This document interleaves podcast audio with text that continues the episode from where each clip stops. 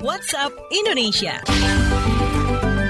WhatsApp Indonesia kita mulai dari DKI Jakarta. Kementerian Pendidikan, Kebudayaan, Riset, dan Teknologi Kemendikbudristek menegaskan acara wisuda kelulusan di jenjang PAUD, TK, SD, SMP, hingga SMA sederajat tidak wajib. Ini tertuang dalam surat edaran nomor 14 tahun 2023 tentang kegiatan wisuda pada Satuan Pendidikan Anak Usia Dini, Satuan Pendidikan Jenjang Pendidikan Dasar, dan Satuan Pendidikan Jenjang Menengah. Surat edaran ini dikeluarkan usai banyaknya banyaknya keluhan soal besarnya biaya wisuda yang dianggap memberatkan orang tua. Melalui surat edaran ini, pemerintah daerah diminta melakukan pembinaan kepada satuan pendidikan di wilayahnya. Selanjutnya kita ke Banda Aceh. Universitas Syiah Kuala Darussalam Banda Aceh dan Yayasan Sativa Nusantara bekerja sama meneliti ganja medis di Indonesia. Rektor Syaih Kuala Prof. Marwan mengatakan pihaknya akan meneliti manfaat ganja untuk keperluan medis. Melansir antara news, Marwan menyebut proses penelitian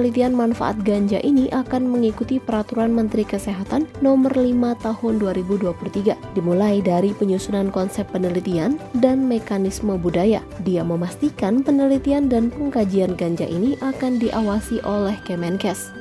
Terakhir kita ke Gunung Galunggung Tasikmalaya. Perum Perhutani Tasikmalaya mengatakan kawasan wisata Gunung Galunggung siap menyambut wisatawan pada musim liburan kali ini. Manajer site Priangan pada Perhutani Tasikmalaya sebagai pengelola Gunung Galunggung Sumarsono mengaklaim pihaknya sudah berbenah dan melakukan inovasi. Misalnya menambahkan variasi dan daya tarik wisata kolam air panas untuk anak-anak. Tak hanya kolam air panas, pengelola wisata juga menyiapkan fasilitas kemah dan sepeda. Sumarsono merekomendasikan Gunung Galunggung menjadi destinasi wisata keluarga. Demikian WhatsApp Indonesia hari ini.